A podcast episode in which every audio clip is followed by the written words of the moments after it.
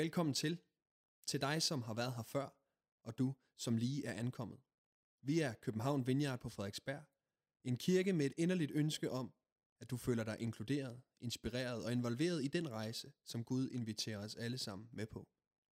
Vi håber, at den næste tid med podcasten på Play vækker opmundring, udfordring eller genklang lige der, hvor du er. God fornøjelse. Det, som det skal handle om i dag, det er Jesu menneskelighed. Og øh, jeg vil starte med et lille kort citat. Det dukkede op på min øh, Instagram-feed her den anden dag mellem kattevideoer og fodboldvideoer. Så kommer der lige et teologi-citat. Det er nok sådan, når man er teologistuderende, så, øh, så er det sådan, der også lige dukker op en gang imellem. Det siger meget om ens liv, ens feed. Er det ikke rigtigt? Det har jeg hørt. Så nu ved I helt vildt meget om mig, at det er de tre ting, der dukker op der. Ja, så kan man så vurdere på, hvad jeg, hvad jeg synes bedst om med de tre. Nej, nu kører jeg for mig det. Hvad har det? Citatet er fra en, der hedder Charles Spurgeon, og han siger sådan her. Infinite and infant, oh the wonder of Christmas. Altså, evig, infinite. Infant, det betyder spædbarn. Evig og spædbarn. På én gang, på samme tid. Det er virkelig julens mysterium. Det er jo virkelig svært at forstå, synes jeg.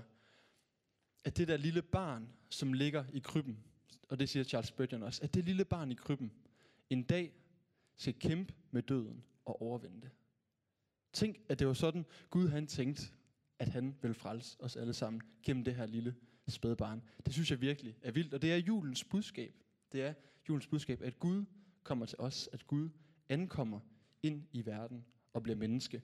Så det er det, vi bruger adventstiden til os at se frem imod det her julebudskab. Ikke sådan, at Jesus han så først kommer igen, når det bliver jul. Han er kommet, han er til stede. Men vi mindes om, hvad det betyder, og hvilken betydning det har for os. Og det er det, vi skal tale om i dag.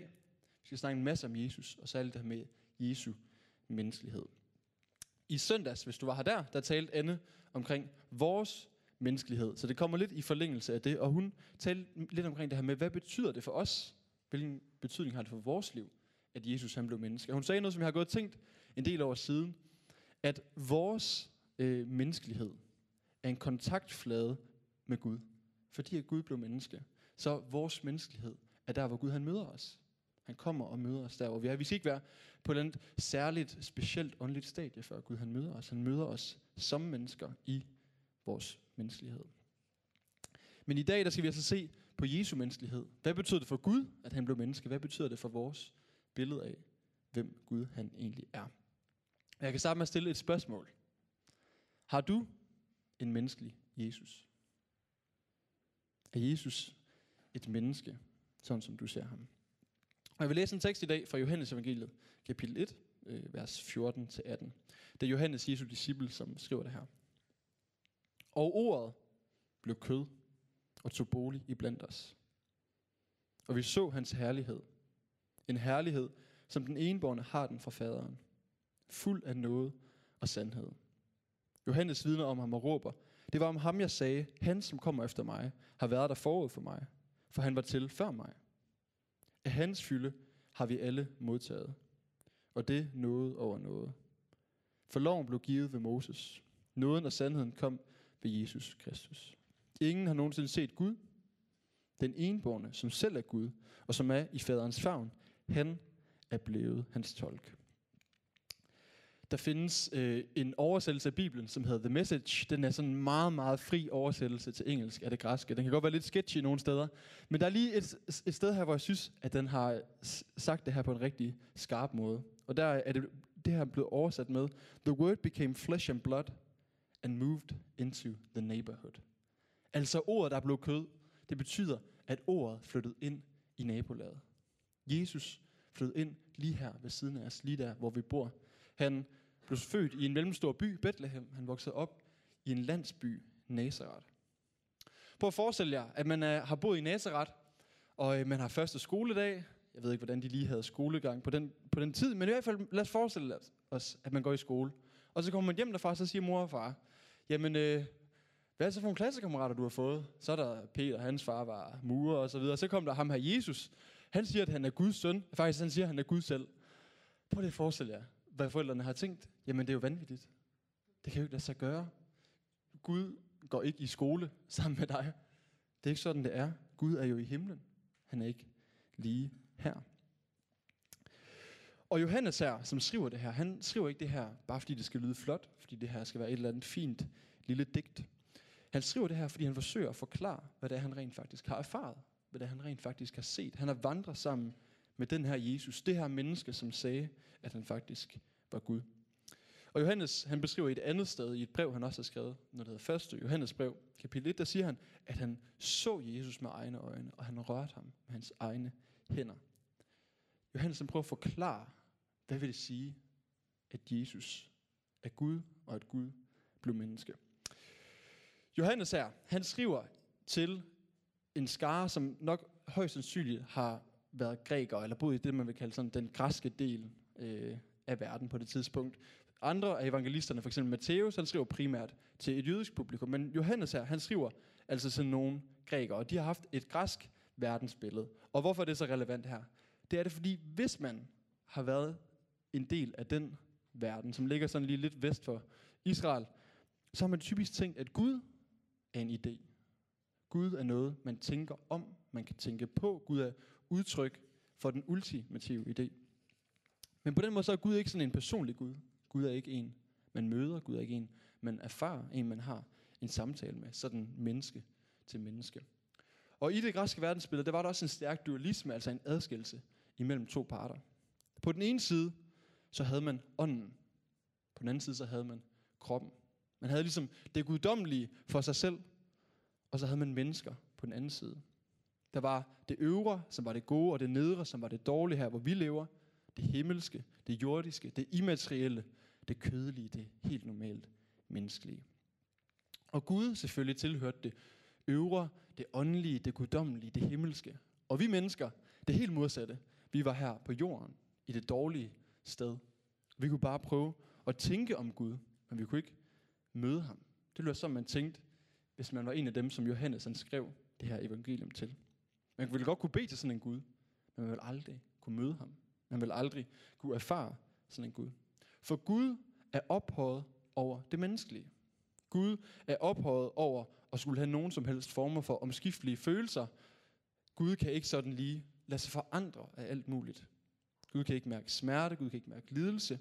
Han kan ikke føle menneskelige følelser, menneskelig passion.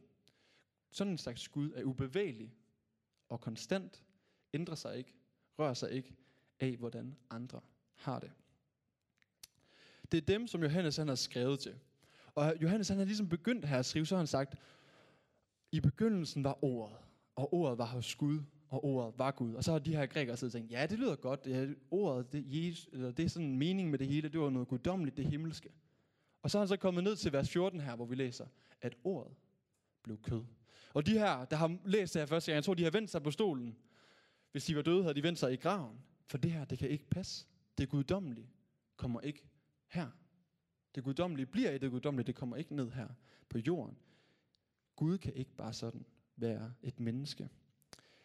Det var for umuligt for dem at forstå, at Gud skulle være blevet menneske. Og jeg ved ikke, hvordan at vi, som er her i dag, vi har det med det her. Har vi en guddommelig Jesus? For Jesus, han var Gud, han er sand Gud, men han er også sand menneske. Har vi også en menneskelig Jesus? Nu studerer jeg teologi, og øh, det er nok det studie i Danmark, har jeg en, har jeg en idé om, hvor vi snakker mest om Jesus alligevel. Og øhm, selvom vi alligevel snakker meget om Jesus, så er noget, jeg har bemærket, det er, at typisk, når mine undervisere de skal snakke om Jesus, så skifter de det ud med Kristus. Og især hvis det skal blive personligt, så bruger de den her titel, som Jesus har. Det betyder egentlig bare Messias, eller den salvede. De bruger Jesu titel, Kristus, så snart det bliver bare lidt personligt. Jeg ved ikke, om det er fordi, det nærmest bliver sådan for, for nærværende, at Jesus bare sådan skulle være et menneske. Det er jo bare et almindeligt drengenavn, som alle mulige har. Så har vi også selv en menneskelig Jesus. Og vi skal prøve at forestille os lidt mere af det her med, at Jesus han virkelig blev menneske. Så vi kan måske prøve at gå ind i nogle af de her disciples verden, som har gået sammen med Jesus, som prøver at beskrive for os, hvordan det var, at han blev menneske. Så forestil dig for eksempel Johannes. Han er med Jesus ude, dengang han holder bjergprædiken. Der er flere tusind mennesker, der har samlet sig på den her bjergskrant. Og Jesus han begynder at tale, og han siger, salig er de fattige i ånden, for himmeriget at det er. Så så forestiller jeg mig, at Jesus han lige stopper op, holder sådan en kunstpause og smiler. Og så Johannes han står der på første eller anden række, Og så kan han bare se, åh oh, nej Jesus, du har en halv tomat siddende lige i munden stadigvæk. Pinligt, pinligt, pinligt. Eller lad os nu forestille os, at Jesus han helbreder Bartholomeus for en, en hel masse mennesker. Og så lige pludselig ser Johannes, under Jesus, Tivoli står åben. Ej, Jesus, det må ikke ske det her. Ej, han er ikke gået med jeans selvfølgelig, så det kunne ikke lade sig gøre. Men der er hul i kappen eller et eller andet. Pinligt ikke? Det står ikke i teksten. Det, det er noget, jeg finder på det her. Men jeg tror godt, det kunne være sket. Eller forestil jer, at disciplene, de er på tur sammen. De øh, har valgt, vi sov bare under åben himmel i nat. Det er alligevel så dejligt varmt her om natten. Og lige pludselig, så hører Johannes, at der er en, der slår en brud. Og så han siger, Peter, var det dig? Og Andreas, var det dig? Og nej, nej, det var ikke også. Så siger Jesus, okay, okay gutter, jeg beklager, det var mig. Må man snakke sådan om Jesus? Må vi sige sådan om ham? Var han virkelig så menneskelig? Den der glorie, som øh, Jesus typisk er afbildet med i kunst, når man går ind i, i kirker, den passer slet ikke. Den var der slet ikke. Den havde han slet ikke på. Da Jesus holder sin første tale, der læser vi, at folk blev beundret over det, han sagde. Men så alligevel, så lige bagefter, så stoppede de op, og så var de sådan, jamen, det der Josef, tømmerens søn, ham der, han kan da ikke være noget så særligt. Det er jo bare et helt normalt menneske, som står lige der. Jesus blev virkelig mennesker. Jeg har bare lyst til at nævne nogle flere ting, som det betød for sådan som Jesus, Jesu liv var her på jorden. Jesus han er kendt til de samme begrænsninger, som vi gør i det at være menneske. Han er kendt til det at være bundet til tid og sted. Jesus han blev træt. Jesus han blev sulten. Han havde brug for at hvile sig. Jesus han oplevede alle de slags følelser, som vi også kan opleve. Et af de gode eksempler på det, synes jeg også, at da Jesus han kommer ind i templet på et tidspunkt, og ser, at de har sat boder op, fordi de står der og handler. Det har nærmest lige en mission julegave inde i templet. Og så vælter han bordene og siger, det kan da ikke passe det her. Jeg tror ikke, han har gjort det ved mission julegave, bare roligt. Hvad hedder det? Um, mission julegave, der hjælper vi mennesker. Og der er en, der solgte de ting, og Jesus han så, det var uretfærdigt, de gør det forkert her. Og han blev vred. Han blev vred over den uretfærdighed, han så der. Dog en ting, han gør anderledes end, hvis jeg bliver vred, da Jesus han synder ikke, imens han gør det. Jesus han bliver retfærdigt vred, kan man sige. Jesus han har levet i Israel. Det var varmt. Dengang havde man ikke så god hygiejne, som vi har i dag. Han har nok gået og svedt en del. Jeg ved ikke, om han har været i bad. Måske han har været i flod en gang i ugen. Måske han faktisk har gået rundt og lugtet lidt til tider. Kan vi forestille os det om Jesus? Må man virkelig snakke sådan om ham, som vi kalder frelser? Jesus han er kendt til alle følelser. Han har grinet, han har grædt, han har smilet, han har gået til fester. Han har gjort alt det, som vi mennesker vi gør. Han er kendt til det at være menneske fuldstændig, ligesom vi er mennesker. Der er et sted, hvor Jesu menneskelighed er radikalt anderledes end vores, og det er Jesus, han syndede aldrig. Og det er også en stor forskel, men Jesus havde aldrig en fod forkert. Han pustede sig aldrig op. Men udover det, så var Jesus et helt almindeligt menneske som os. Og farisæerne, som var den religiøse elite dengang, for dem har Jesus simpelthen været for menneskelig. De kunne slet ikke holde sig, at han var så meget menneske. De ville selv være mere end mennesker. De ville være noget helt særligt. De ville være perfekte. Så de adskilte sig fra dem, som de selv døbte som sønderne, dem gad de i hvert fald ikke have fællesskab med. Og det var dem, som Jesus kom og hang ud med. Det var dem, som Jesus brugte sin tid med. Og de tænkte, at Messias her, Kristus, han skulle være en, der levede som en konge. Han skulle leve som en præst. Og Jesus, han har i hvert fald ikke levet sådan, som de tænkte, at han skulle. Han har været alt for normal. Han har set alt for almindelig ud. Han har måske slet ikke været så pæn, som de havde forestillet sig. Han var bare et normalt menneske. Sand Gud og sand menneske, som vi også siger i trosbekendelsen. Og hvorfor blev Jesus så menneske? Det er det gode spørgsmål. Hvorfor valgte Gud den her vej, at han skulle blive et menneske? Johannes, i det som vi læste op tidligere, han siger, at Jesus er blevet Guds tolk. Hvad gør en tolk? En tolks opgave er at oversætte. Jesus ønsker at oversætte for os, hvem Gud han er. Og det vil også sige, at Je, da, da Gud bliver menneske i Jesus, der er det ikke sådan, at Gud lige pludselig går fra at være én ting, til så at være noget andet. Faktisk så er det bare et udtryk for, hvordan Gud altid har været. Jesu ansigt, Jesu person viser os, hvordan Gud har været fra evighed og vil være til evighed. Og hvordan er den Gud så? Jamen han er kærlighed. Han er selvopoffrende kærlighed. Han giver sit liv for dem, han elsker. Og det er os alle sammen. Han går hele vejen for et hvert menneske. Han går så langt, at han selv bliver menneske.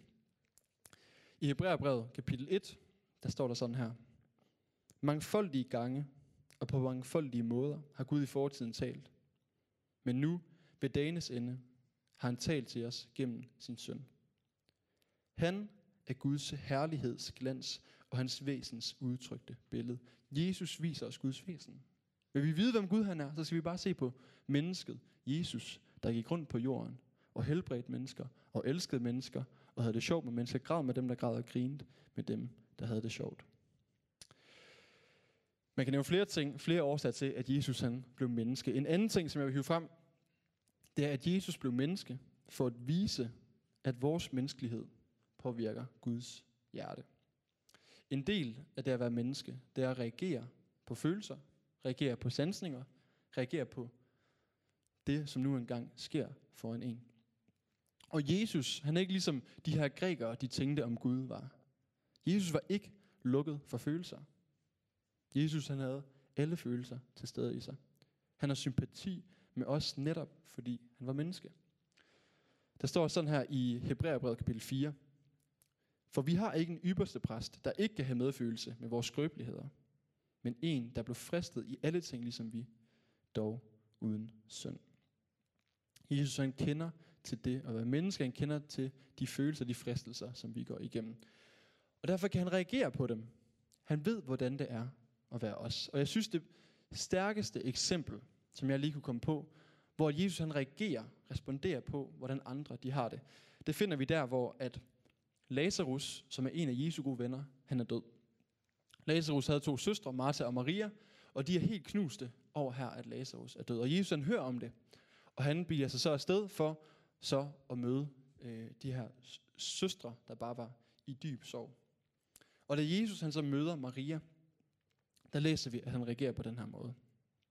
Da Jesus så hende, øh, da Jesus så hende græde, og så de jøder græde, som var fulgt med hende, blev han stærkt opbragt, og kom i oprør og sagde, hvor har I lagt ham? Herre, kom og se, svarede de. Jesus bræst i gråd. Da sagde jøderne, se, hvor han elsker ham. Jesus han bliver oprørt, han græder. Han reagerer på hendes smerte. Og tænk, Jesus ved, lige om lidt, så går jeg hen til graven, og så vækker jeg Lazarus fra de døde. Så han kunne lige så godt bare have sagt til dem, slap nu af, jeg har styr på det. Nu går vi hen til graven, så skal jeg nok lige sige til Lazarus, at han skal komme ud, og så bliver han levende igen. I behøver ikke at græde.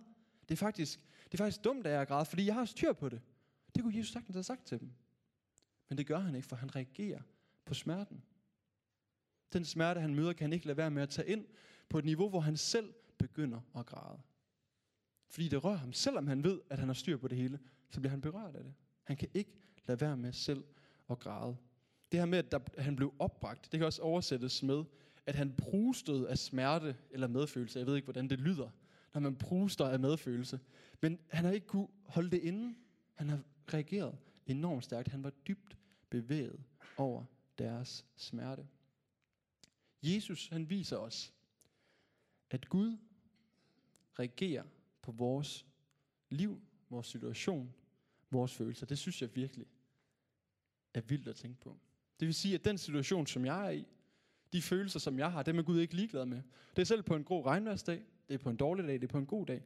Der, sådan som jeg har det, det rører noget i Guds eget hjerte. Ham, den evige Gud, som altid har været. Det rører noget i ham. Hvordan at jeg har det. Hvordan at vi har det. Det er det, vi ser, når vi ser Jesu menneskelighed.